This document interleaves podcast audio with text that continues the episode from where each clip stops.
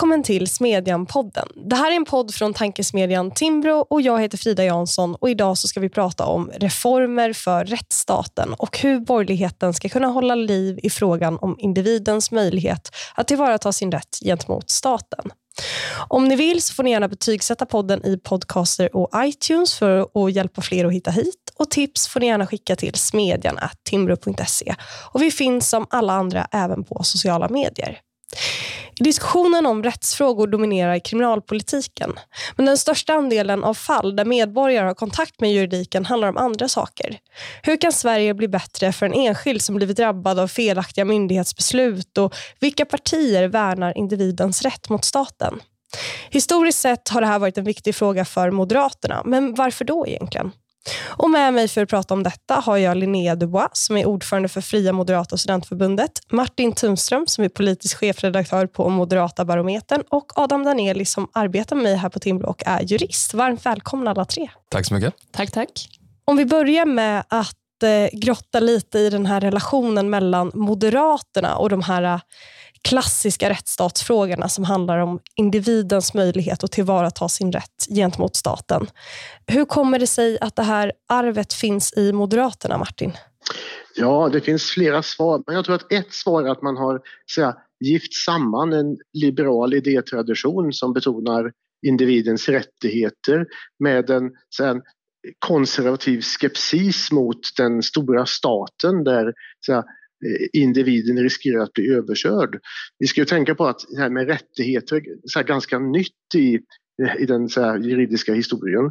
Men att eh, Moderaterna och tidigare högern fick så värna eh, den enskilda mot, mot staten. Jag tror att det är väldigt viktigt. Och sen tror jag också att tiden i opposition under 1900-talet med den politisk motståndare, socialdemokrati, som fick en ganska radikal i europeisk kontext syn på rättigheter, rättsstat och demokrati.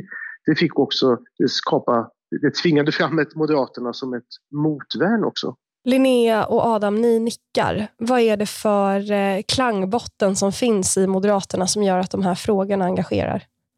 Det är väl som Martin säger, den här grundläggande inställningen att staten inte är ett bra verktyg för att lösa alla problem. Att samhället är större än staten, men individen är dess liksom, grundläggande byggsten. Det informerar väl historien kontinuerligt om vad en alltför stark stat kan göra om den lämnas obegränsad. Det finns ju även andra partier som har drivit på för att eh, ja, men stärka individens rätt historiskt. Och Det har ju, har ju handlat kanske om lagprövningsrätt makten, lagrådets roll, eh, den typen av frågor. Och Det är ju kanske det man tänker på framförallt dåvarande Folkpartiet, nuvarande Liberalerna, även Centerpartiet i viss utsträckning.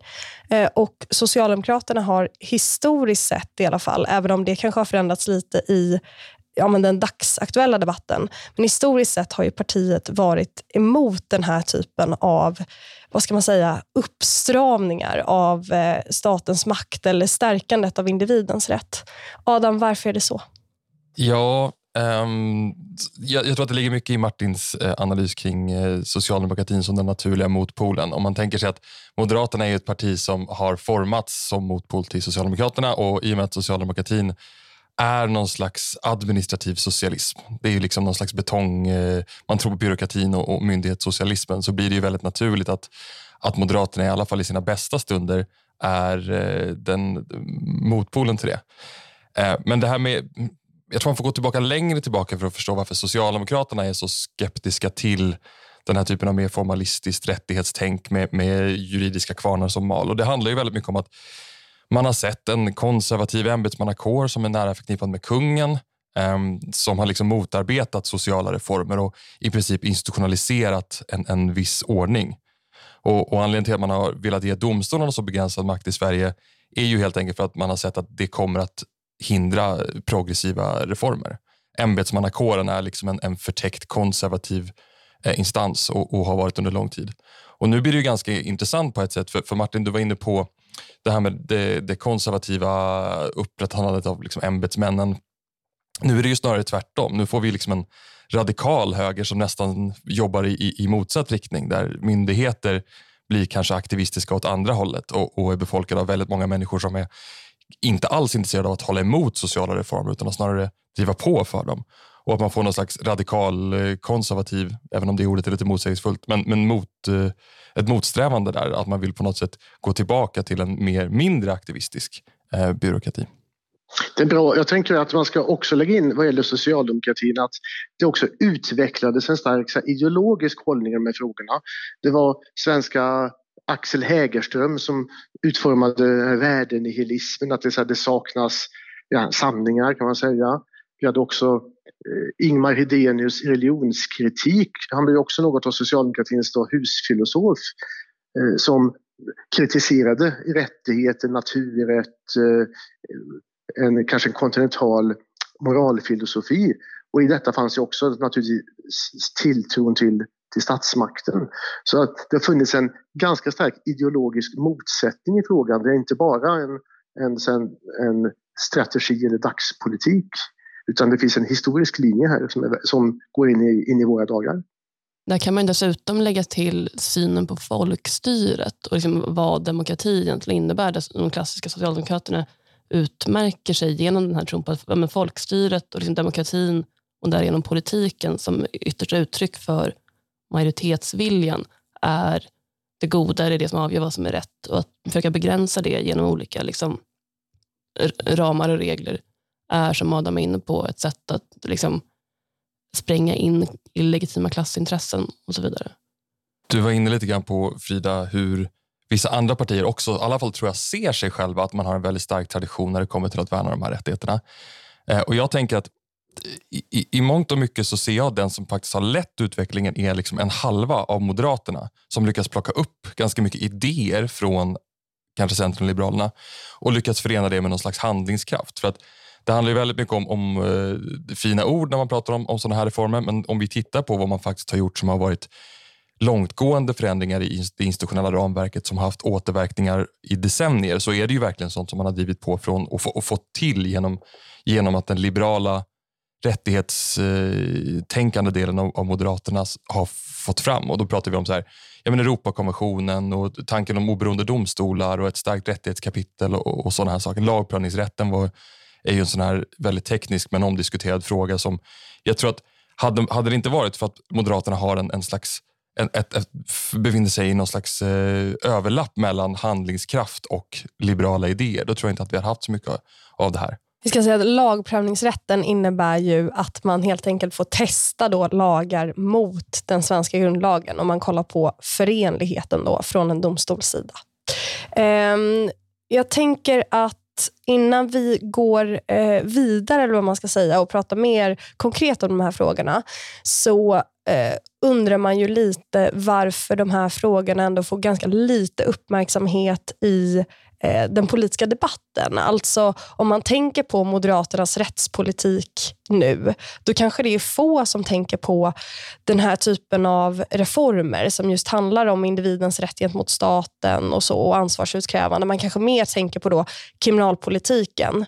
Eh, och om man tänker på Socialdemokraterna, då kanske man inte tänker på den här uh, folksuveränitetstanken utan man tänker på till exempel januariavtalet där hela grunden för januariavtalet var ju att man ville värna den liberala demokratin.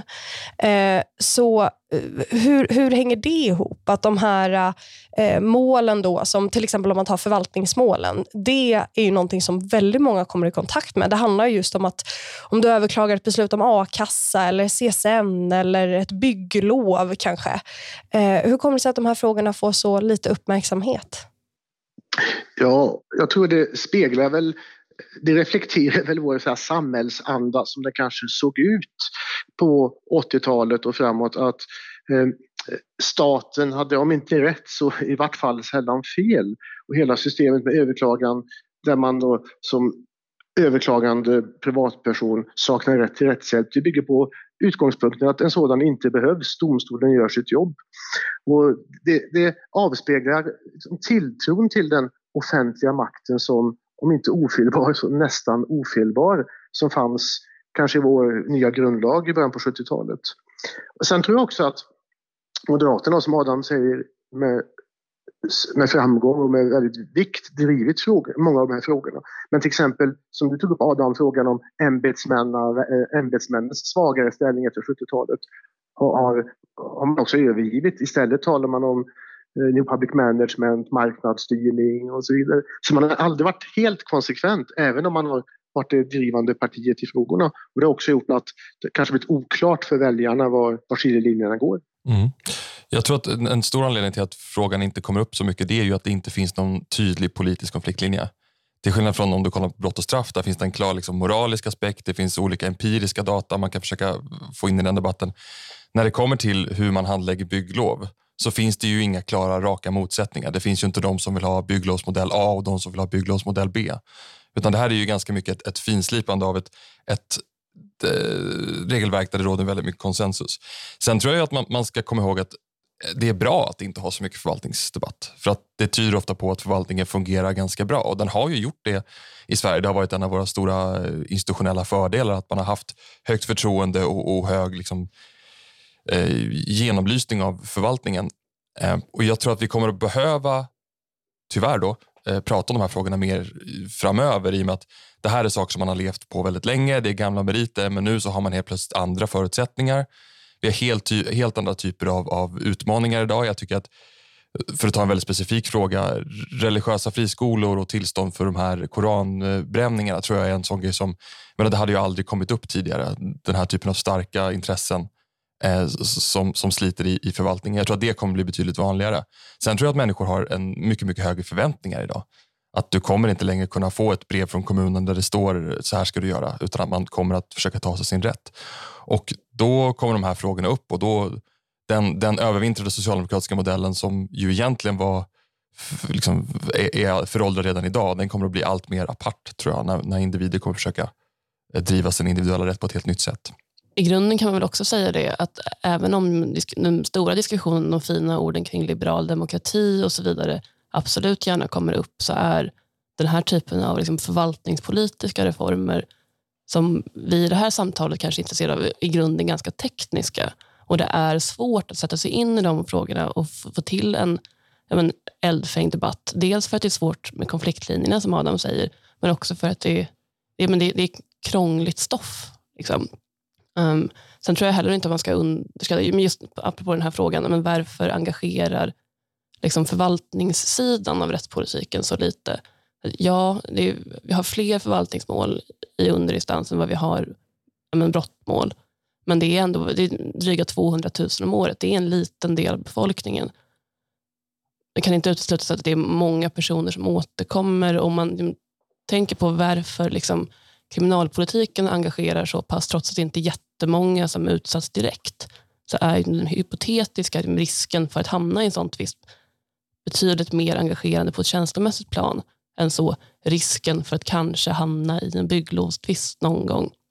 Om man tänker att det här händer nog kanske inte mig, men det kanske gör det, så engagerar det ändå inte lika starkt känslomässigt som liksom risken för att hamna i, en, mm. i ett brottsärende. Mm.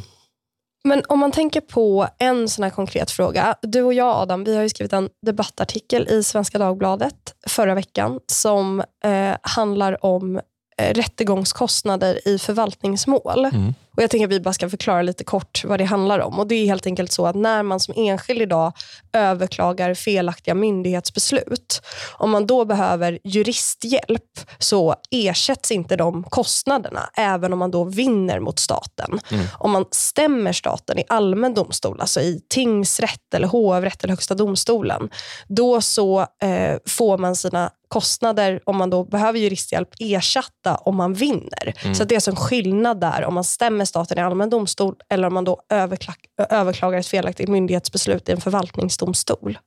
Varför ser det ut på det här sättet, Adam?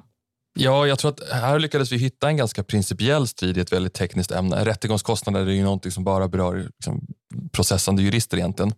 Alltså, anledningen till att det ser ut så här det är för att i Sverige så vill vi ju egentligen inte ha förvaltningsrätter. Alltså tanken har ju varit att vi ska ha allmänna domstolar där man prövar tvister om eh, vårdnad och brottmål och pengar. Och så skulle vi då ha myndighetsväsende på andra sidan som tog hand om relationen mellan individ och det allmänna. Och Sen har man liksom tvingats utmönstra ett slags mellanting som är förvaltningsrätterna som är, vars uppgift är helt enkelt att hålla koll på myndigheterna och, och dit man kan vända sig om man menar att man har fått ett felaktigt myndighetsbeslut. Och Det här är något som man inte egentligen har velat. Det har funnits ett jättestort motstånd. Man har velat skilja på liksom myndighetsutövning, det politiska och det som är att slita tvister mellan en, enskilda. Så det finns liksom en, en principiell, ett principiellt motstånd där. Om man kollar på förvaltningsrätten och hur det går där så visst, det är väldigt lätt att överklaga till förvaltningsrätt. Det, det krävs nästan ingenting. Men sen så är det ju också väldigt, väldigt, väldigt svårt att, döma, eh, att vinna mot staten. Det är extremt sällsynt att man vinner framgång om man överklagar ett, eh, ett myndighetsbeslut. Och då har ju också tanken varit lite grann som, som Martin var inne på att förvaltningsrätterna är någon slags halvmyndigheter så att de ska liksom ta hand om ditt överklagande och stå för all utredning och pröva målet igen. Och då har man sagt så här, jo men då behöver du ju inte betala för en jurist. Du ska inte driva ditt eget mål. Det är som att du går till myndighet nummer två och får ditt ärende liksom över... De tittar över ditt ärende. Problemet är att dels så tror jag inte att den här modellen fungerar i och med att du, du kommer inte kunna vinna. Om en myndighet har fattat ett beslut på en utredning eh, då kommer du kunna behöva komplettera den i väldigt många fall för att ta tillvara din rätt. Och Då kommer man behöva eh, viss typ av juristhjälp. Så det är ju det som är den ideologiska frågan här. att När personer vill överpröva myndigheters beslut, då eh, måste man ha hjälp att, i alla fall i den mån man behöver, eh, få eh, jurister betalade om man vinner. Men om man tänker, för Det här målet var ju uppe i Högsta förvaltningsdomstolen. Högsta förvaltningsdomstolen kom fram till eh, att eh, man inte kunde få sina rättegångskostnader då betalda om man då har rätt gentemot staten. Och De gjorde lite en passning till lagstiftaren. Och Det här är en fråga som man har tittat på ganska många gånger. Eh, Martin, vad finns det för förutsättningar att göra någonting åt det här eh, liksom nästa mandatperiod mot den här bakgrunden? Jag tror det finns goda förutsättningar i vissa typer av mål. Det, det kanske inte handlar om körkortsmål eller CSN-mål där det finns ett, ett stort behov av, av biträden eller olika typer av rättshjälp. Utan eh, socialförsäkringsmål, eh, vi har ju hela LSS, alltså personlig assistans som är en rätt, rättighetslag. Eh, där, som, som har en väldigt stor, här, stor betydelse för den, för den enskilde. Sen har vi också sett, vi har sett långsamma förändringar till det bättre. Att myndigheternas utredningsplikt var tidigare någonting som så följde av, det blir lite tekniska här, av förvaltningsprocesslagen. Nu är den uttryckligen inskriven i förvaltningslagen. Och det, spel, det är ändå så här, något som ändå spelar roll på sikt, att det, det skapar en kultur av att Eh, utredningsplikten blir tydligare och att medborgarna också känner till att myndigheterna har ett, ett utredningsansvar. Sen har det också varit väldigt oklart hur långt det sträcker sig. Det sträcker sig ju lite olika på olika rättsområden. Men det, det går en, ändå en, en, riktning mot eh, bara att målet varit uppe mot att frågan blir viktigare. Och jag tror också att här har vi hela europeiseringen. Att eh, rätten blir, har blivit mycket mer europeiserad. Vi tittar på Europakonventionen, Europarätten eh, när, eh, i, i det svenska sammanhanget.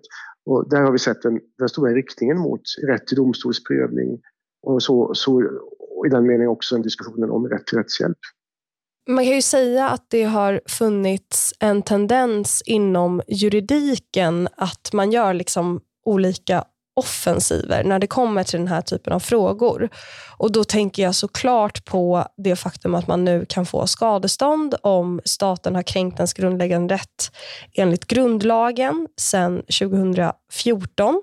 Eh, och Det var ju någonting som inte inte det fanns vad ska man säga, en, en politisk eh, vilja att göra någonting åt, utan det var ju en juridisk vilja. Man processade ju det här och det var Högsta domstolen som uttalade de här principerna och inte då lagstiftaren.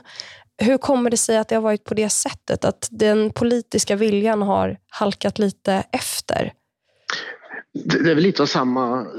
Vi har ju sett också en, vi har sett en allmän juridifiering i samhället. Vi har sett en högsta domstol som har i flera fall eh, säga, fattat beslut som, en, som har fått, också fått kritik. Och jag tror att vi i en borgerlig, kanske högersfär, har ju länge bejakat, inte bara oberoende av domstolar, utan det har funnits en, eh, en viss här, positivare inställning till någon form av också rättslig aktivism. Jag tror vi ska också ska passa oss lite för det. Eh, idag är det ju vänstergrupper som använder, försöker så politisera domstolar, man vill Eh, föra in klimatfrågan i domstol, att, att domstolen ska överpröva eh, riksdagens regeringsbeslut till exempel. Så eh, vi, att, att, att vår, så oberoende domstolar är inte, är inte exakt samma sak som att, ge domstol, att stärka domstolars makt. Det tror jag vi ska ha klart med oss. Men att juridiken har spelat tyngre roll för rättigheter har varit samtidigt något att välkomna. Det gäller den här typen av frågor, eller äganderättsfrågor, skattefrågor, där juridiska resonemang tidigare vägde lättare. Och där, där ser vi också en europeisering av svensk rätt. Mm. Jag tror att det, det ligger väldigt mycket i det där att Visst, vi välkomnar ju domstolarnas roll som upprätthållare av, av individens rättigheter och att man faktiskt tar den rollen som man ska ha, att, vara, eh, att, att, att även granska den offentliga verksamheten. Men att det här är ju en fin linje och jag menar, Högsta domstolen har blivit ganska kritiserad för att man väljer en sån aktivistisk linje. Jag tror dock att mycket av det här handlar om att, att rättigheter i Sverige har varit lite av trojaner. Alltså man har infört olika typer av dokument och, och, lagstiftning utan att riktigt ha koll på vad de innebär och så har, man, har de haft väldigt, väldigt lång livstid där de liksom har ätit sig in eh, i, i, samhället. Och Det viktigaste där kanske är eh, när man inkorporerade Europakonventionen på, på 90-talet. Men nu har man nog kommit till vägs ände eh, i många frågor och då tvingas politiken ta de här frågorna som är både komplicerade som vi har varit inne på men också eh, principiellt svåra framförallt för socialdemokratin som helt plötsligt då ska byta fot och säga att jo, men vi har ju alltid varit för det här systemet när man ju så uppenbart har motarbetat det hela tiden. Eh, Linnea, du ska ju skriva på Svenska Dagbladets ledarsida i sommar. Väldigt roligt. Grattis! Och, eh, du var ju med i en intervju när du pratade om vilka frågor som eh, du ska skriva om. och Då lyfte du just den här frågan alltså om ansvarsutkrävande och den svenska förvaltningsmodellen. Hur kommer det sig att du vill skriva om just det? Vi har ju varit inne på liksom, vikten av den starka fungerande förvaltningen och där ser vi att den har blivit sämre över tid. Och om man som jag har ett grundläggande ideal om att staten ska vara liten, men den ska vara stark, den ska vara förutsägbar, den ska värna den enskildes eh, rätt. Och det ska vara ett ramverk, men det ska vara tydligt och rättigheter ska finnas för att tas tillvara och så vidare. Är förvaltningens funktionalitet och möjligheten att eh, reglera problem inom förvaltningen genom ansvarsutkrävande mot enskilda tjänstemän och så vidare, och så vidare um, centralt för att upprätthålla en förvaltning av god kvalitet som det är drägligt för den enskilde att behöva möta. Jag förstår den här församlingen som att ni är mycket positiva till möjligheterna att arbeta med de här frågorna under nästa mandatperiod. Och Om vi då får eh, drömma fritt om den svenska förvaltningen och rättigheter, vad ser ni för reformer som kanske absolut mest akuta eh, för att adressera de här problemen? Martin? Jag kan tänka mig att på olika sätt stärka lagrådet, allt från med kansli till lite tydligare rätt i lagstiftning, tydligare säga, regleringar i lagstift, grundlagen. Även JO, justitieombudsmannen som är säg, riksdagens ombudsman, folkets ombudsman att granska lagar. Eh, kanske tjänstemannaansvar, alltså att eh, de statliga ämbetsmännen, även kommuners tjänstemäns arbete underkastas lagarna tydligare. Och sen är jag också lite rädd. Jag har sett i Moderaterna och Kristdemokraterna finns det diskussioner idag om att eh, socialtjänsten ska få rätt att besöka personer med försörjningsstöd och ekonomiskt bistånd på ett sätt som inkräktar deras privata sfär och där väger plötsligt rättigheter väldigt lätt. Och rättigheter ska väga tungt även för de som har ekonomiskt bistånd. Så det finns anledning att också ha eh, eh disselpipan i mun ibland tror jag. Oj, hur länge får jag, får jag svara? Det finns så mycket att göra. Jag, jag skulle vilja ta upp två saker eh, som båda har på ett sätt har kommit upp men som jag inte riktigt vet om de kommer att, att, flyga. Det första är att vi måste... Tillsyn är någonting som är väldigt svårt i Sverige och det har många anledningar. Vi, vi har liksom ett kommunalt självstyre som väldigt ogärna vill ha statlig tillsyn. Det ser vi inte minst när det kommer till skola och eh, omsorg. Eh, men vi har också en, en idé om att all tillsyn i Sverige är liksom informell jag menar, hur många andra länder skulle man ha liksom en tillsynsmodell som, i form av JO då, framförallt, som handlar om kritik? Det vill säga att du aldrig har skarpa sanktioner mot någon som gör fel. Vi måste tänka om där och, och en viktig del i att få till en liksom starkare förvaltning i den liberala eh, traditionen handlar ju väldigt mycket om att få till en mycket, mycket skarpare tillsyn som är eh, som faktiskt kommer till rätta med problemen. Det finns jättemånga exempel på när JO har kritiserat ja, framförallt kanske Polismyndigheten då, som verkar vara absolut segast av alla. När man har kritiserats hundra gånger och ingenting händer. Men då har man ju byggt en tillsynsmodell som är helt som passar i en annan värld än den som faktiskt finns. Eh, och så det andra så skulle jag vilja ta upp min käpphäst om utnämningsmakten. Jag tror att vi behöver göra om hur vi utser statens högsta tjänstemän. Det är en slags mellanting. Det, det, egentligen så är det väl kanske det, den värsta av alla utformningar. Det är liksom både det här kungliga prerogativet som sedan har kapats av socialdemokratin. Eh, och där skulle man behöva styra upp det och få till någon slags ordentlig ansöknings och tillsynsprocess över hur man utser de högsta tjänstemännen. Jag har väldigt svårt att tänka mig att alla Smedjan-poddens lyssnare inte har hört om det här förslaget om utnämningsmakten. Men man ska säga att utnämningsmakten är alltså makten för regeringen att välja eh, så att säga, myndighetschefer. Och ja. De svenska myndigheterna är ju självständiga och regeringen får inte lägga sig i enskilda myndighetsbeslut. Och Det här har ju du, Adam, visat i en rapport för Timbro eh, miss, har missbrukats av regeringen Löfven mellan 2014 och 2020. Mm. Där den absoluta majoriteten av de politiska tillsätt tillsättningarna har då getts till socialdemokrater. Mm. Så sent som den här veckan, så, eller förra veckan så såg vi ytterligare en topptjänsteman som Socialdemokraterna ville bli av med från regeringskansliet som var statssekreterare och som fick en myndighet i form av Tillväxtverket eh, att råda framöver. Det här måste, man, det måste få ett slut. Det är en, eh, inte en trilogi, det är en mycket längre serie än så som bara pågår och pågår. Linnea, dina viktigaste reformer? Oj, jag skulle säga att det viktigaste redan sagts av det kloka eh, sällskapet. Eller man ska säga. Um, ytterligare poäng är just det här med mm, kommunerna eh, och kommunernas möjligheter att ja, men, göra lite som de vill utan att tillsynen av den kommunala verksamheten egentligen fungerar. Jag har inga skarpa förslag där, men det är absolut något som skulle behöva diskuteras betydligt, betydligt mer. Skulle kunna ha viten till exempel när kommuner inte gör som domstolar eh, domstolar säger. Det är en sån fråga som jag har diskuterat. Just det, vi har inte ens det. Nej. Jag tänker att vi ska avsluta den här diskussionen med eh, ytterligare en diskussion som kanske också framförallt handlar om Moderaterna. Och vi har ju pratat lite om kriminalpolitiken, varför engagerar kriminalpolitiken så mycket i relation till då förvaltningsmålen, eh, den, den sidan av juridiken så att säga. Um, och Då undrar jag, kan en borgerlig rättspolitik både så att säga innehålla de här elementen i kriminalpolitiken som handlar om ja, men det som kallas hårda tag i kombination med det här patoset när det kommer till individens rätt. Och finns det situationer, ja, men Martin du tog upp en sån situation där man vill göra hembesök kanske när man då betalar ut ekonomiskt bistånd och då har ju man såklart, även om man går på försörjningsstöd eller ekonomiskt bistånd, att man har ju såklart en rätt till sitt privatliv och sitt hem som alla andra bara för att man får bidrag från staten. Eh, kan ni komma på några sådana situationer där det skulle kunna uppstå en konflikt mellan den här viljan till en effektivare brottsbekämpning och då rätten till integritet? Eh, och som sagt, kan en, en borgerlig rättspolitik innehålla båda de här momenten? Jag, jag skulle nog säga att de förutsätter varandra på ett sätt. För att att ha en skarpare tillsynsmodell, att ha eh, bättre sätt för enskilda att komma till sin rätt, det är väl aldrig så viktigt som när man ska skruva upp repressionen när det kommer till andra eller till brottsbekämpande myndigheter. Jag tror att ska vi fortsätta med både lösa boliner och väldigt stora befogenheter, det är då det kan bli, kan bli riktigt illa.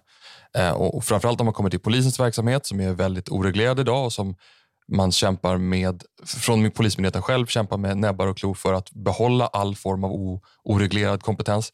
Ska vi fortsätta ha det så och skruva upp repressionen med till exempel eh, lättare att eh, tillgripa tvångsmedel, större, hemlig, större fokus på, på hemliga tvångsmedel, jag menar, då kan det bli riktigt illa. Däremot tror jag att om man kan skruva upp tillsynen och, och få den att fungera och få skarpare gränser till vad, vad polisen och andra eh, brottsbekämpande myndigheter får göra, då tror jag att man kan höja repressionen ganska långt eh, från dagens eh, nivå när man har Nej, idag har man istället lite liksom marginal vad gäller kompetensen. Kan vi, kan vi få till en skarpare reglering så tror jag att man kan gå betydligt, eh, eh kan bli mycket, mycket mer träffsäker.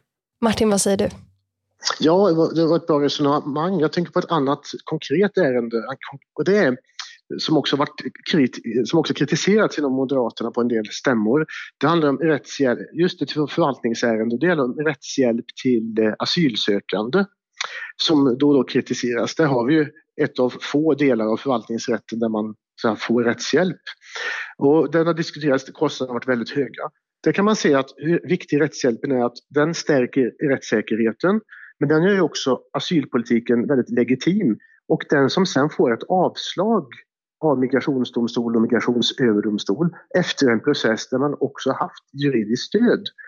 Den, ett avslag har då en väldigt stark legitimitet och så är det svårt att kritisera det i opinionen. Då får hela migrationspolitiken en, en stark legitimitet och vi kan också avvisa och utvisa personer som inte får stanna här och hänvisa till att processen har varit som den ska vara, rättssäker och det har varit en, en, en, en process där den asylsökandes rättigheter också har beaktats fullt ut.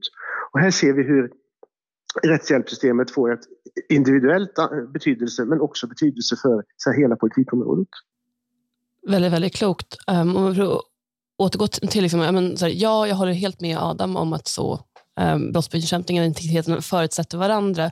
Och där kan man väl återigen se att um, statens åtaganden att skydda medborgare från varandra är ju ett sätt att skydda men, oskyldiga människors rättigheter. Och om det, det förutsätter vissa inskränkningar för andra, ja så kommer det ofrånkomligen vara.